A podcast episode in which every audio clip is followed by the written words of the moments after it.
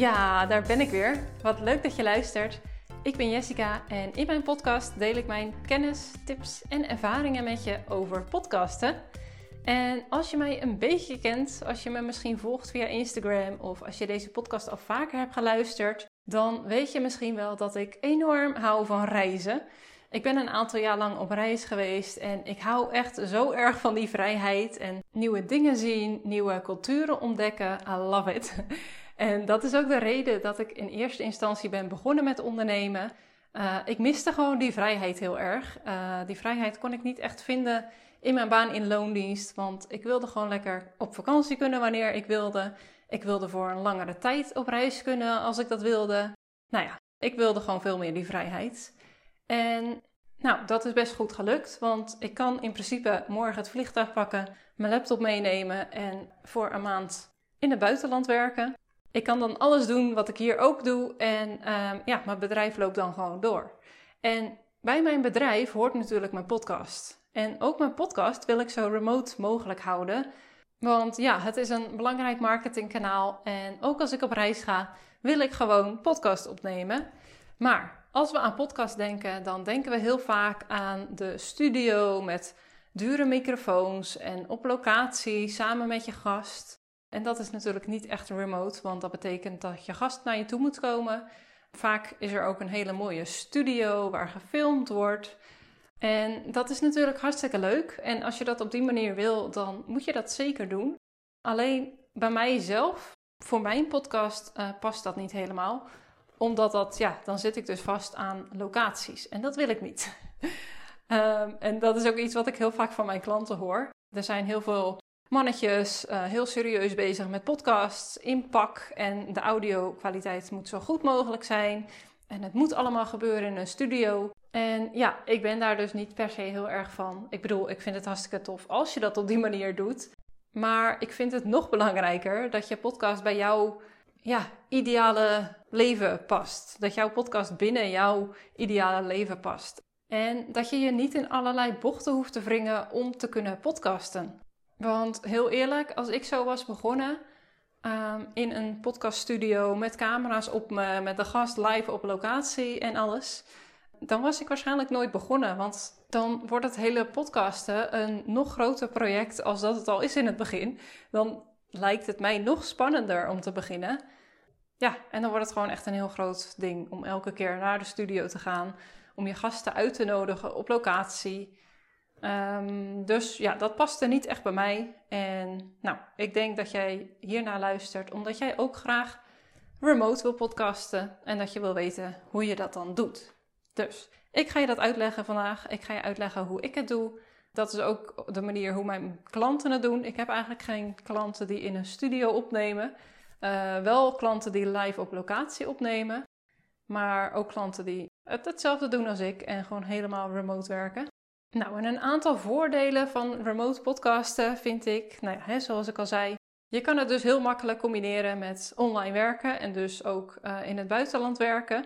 Naar mijn idee is het ook makkelijker om gasten uit te nodigen. Uh, je hoeft geen gasten helemaal op locatie te vragen, maar het kan gewoon lekker online. Het kost voor beide partijen dus ook veel minder tijd. Uh, want hè, als je het op locatie doet, dan moet of eentje heel ver rijden, of nou ja, heel ver. Die moet in ieder geval naar jou toe rijden. Of jullie moeten allebei naar een bepaalde locatie toe rijden. Uh, die locatie moet je dan weer huren.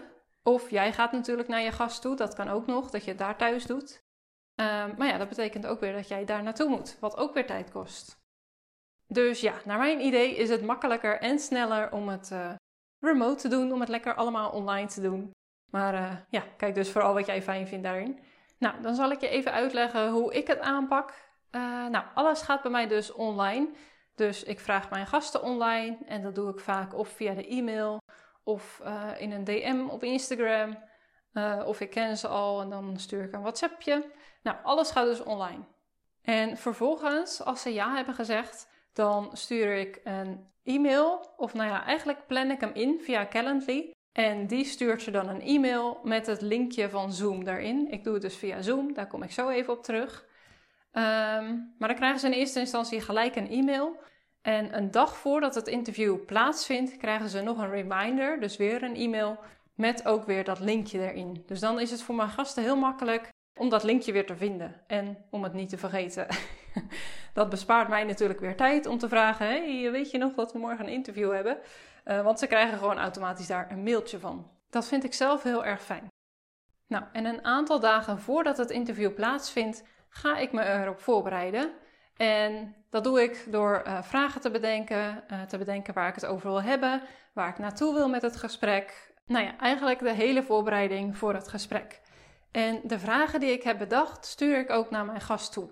En dat doe ik omdat ik het zelf altijd heel erg prettig vind om me te kunnen voorbereiden op een interview.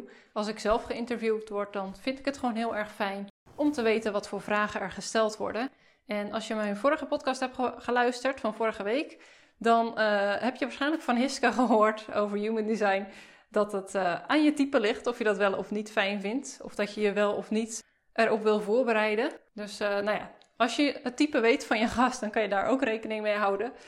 En anders kan je het natuurlijk altijd gewoon vragen. Van, uh, vind je het fijn om de vragen alvast te, te, zien die ik wil stellen? Of doe je het liever helemaal spontaan? Uh, dan kan je gast zelf kiezen wat hij of zij fijn vindt. En die vragen die gebruik ik altijd alleen als basis. Dus het is niet dat ik vraag na vraag na vraag na vraag ga stellen.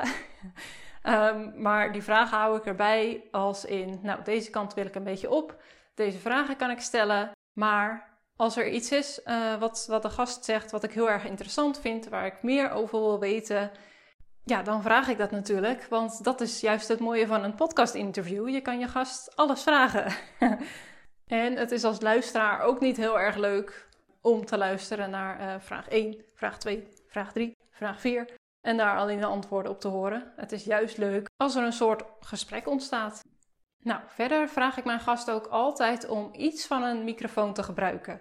Dus om in ieder geval niet het geluid van een laptop te gebruiken, omdat dat gewoon in de meeste gevallen niet heel mooi wordt. Dat komt omdat hè, de microfoon van de laptop is sowieso al niet uh, de beste, vaak. um, maar ook omdat als je het dan gaat opnemen, dan hoor je dus het geluid van de ander ook. Dus bij de opname hoor je het geluid van bijvoorbeeld jouw gast en van jezelf in jouw opname. En dat kan je gewoon niet meer echt heel mooi editen, want dan ontstaat er een echo. Dus nou ja, dat kan door middel van alleen al oortjes, dat maakt het al sowieso veel beter. Uh, ik gebruik zelf altijd mijn Blue Jetty en dan doe ik ook oortjes in. En dit is iets wat ik merk dat heel veel mensen niet weten. Dat is dat je in je Blue Jetty kan je gewoon oortjes of een koptelefoon doen. En dat doe je onderaan.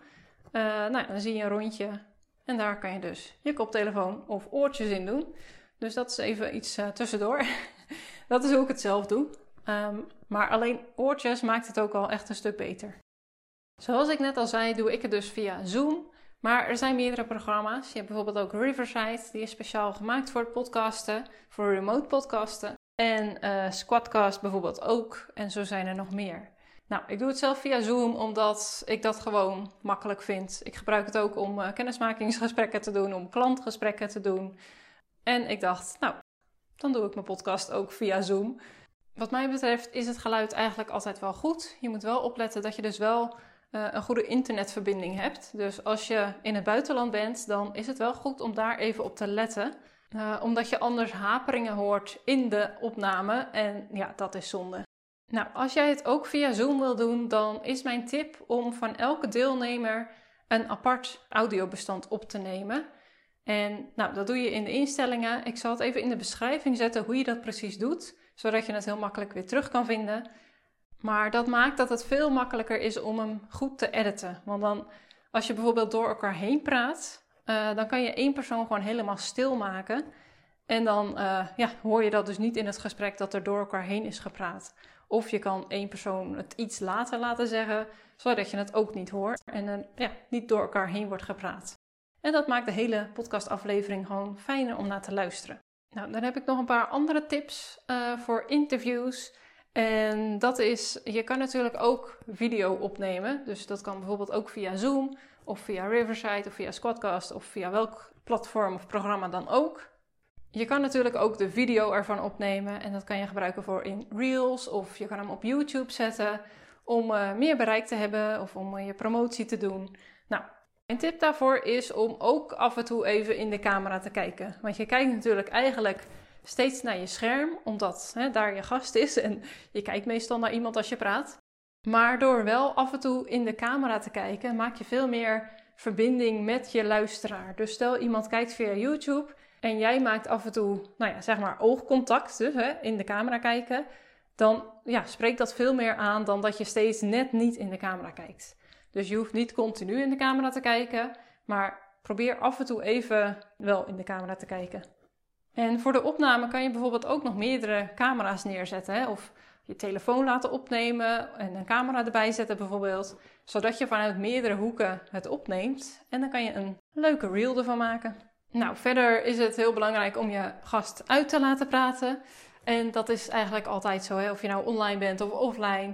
Uh, of je nou in een gesprek bent of in een interview. Uh, laat mensen uitpraten. Maar ja, online dus ook. Uh, anders wordt het gewoon heel chaotisch en niet fijn om het hele interview te doen. Dus je kan beter even iets langer stil zijn dan dat je er doorheen gaat praten en dan weer helemaal je gesprek moet oppikken waar het was gebleven. Want ja, dat is meestal vrij lastig. En daarop aansluitend is eigenlijk het stukje luisteraandachtig.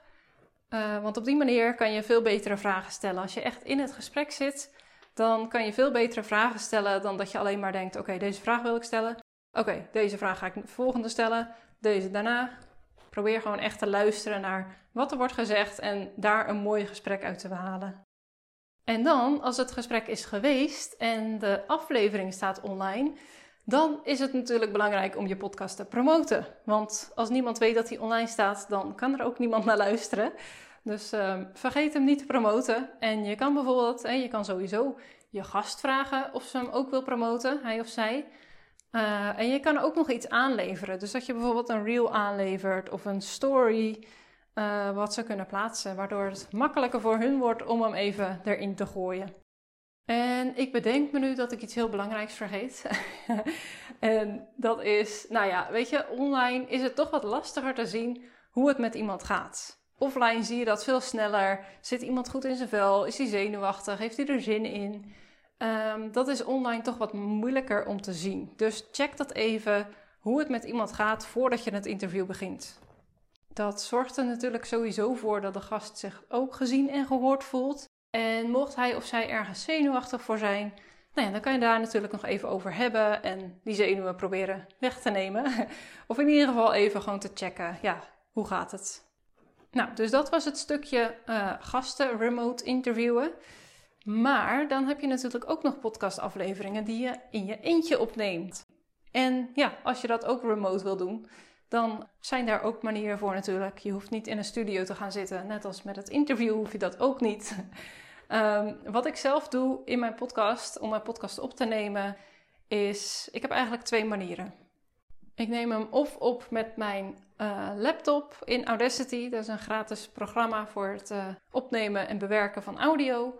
En dan uh, doe ik het met mijn Blue Yeti microfoon en een koptelefoon. Of ik doe het zoals ik nu ook doe via mijn telefoon in de dictafoon app. En een daspeldmicrofoontje. dat is een heel klein microfoontje en die klip je op je shirt. En nou ja, dan kan je opnemen. En dat neemt natuurlijk bijna geen ruimte in beslag. Dus als je ergens heen gaat, dan is zo'n microfoon meenemen misschien wel een beetje too much. Maar deze kan echt altijd mee. Deze kan overal mee naartoe. Dus dat vind ik ook echt ideaal. Nou, dat is wat ik wilde vertellen over remote podcasten. En ik ben wel heel erg benieuwd of jij ook uh, graag remote podcast of dat je het toch liever op locaties doet en in studio's. Dus laat het me vooral weten op Instagram. Ik ben te vinden onder de podcastmentor. En nou, als je nou dit soort afleveringen niet wil missen en alle toffe interviews die ik heb met gasten, abonneer je dan op deze podcast. Dat kan via Spotify of Apple Podcast. Ik heb de laatste tijd weer een paar hele toffe interviews gedaan met gasten. Zoals die van vorige week bijvoorbeeld met Hiske over podcasten en human design. Of die daarvoor ging over het gebruik van je stem als podcaster met uh, Janine van Werkende Stemmen. Dus, nou, als je dat interessant vindt en je hebt ze nog niet geluisterd, luister ze dan zeker even. En dan wens ik je nu een hele fijne dag en tot de volgende keer.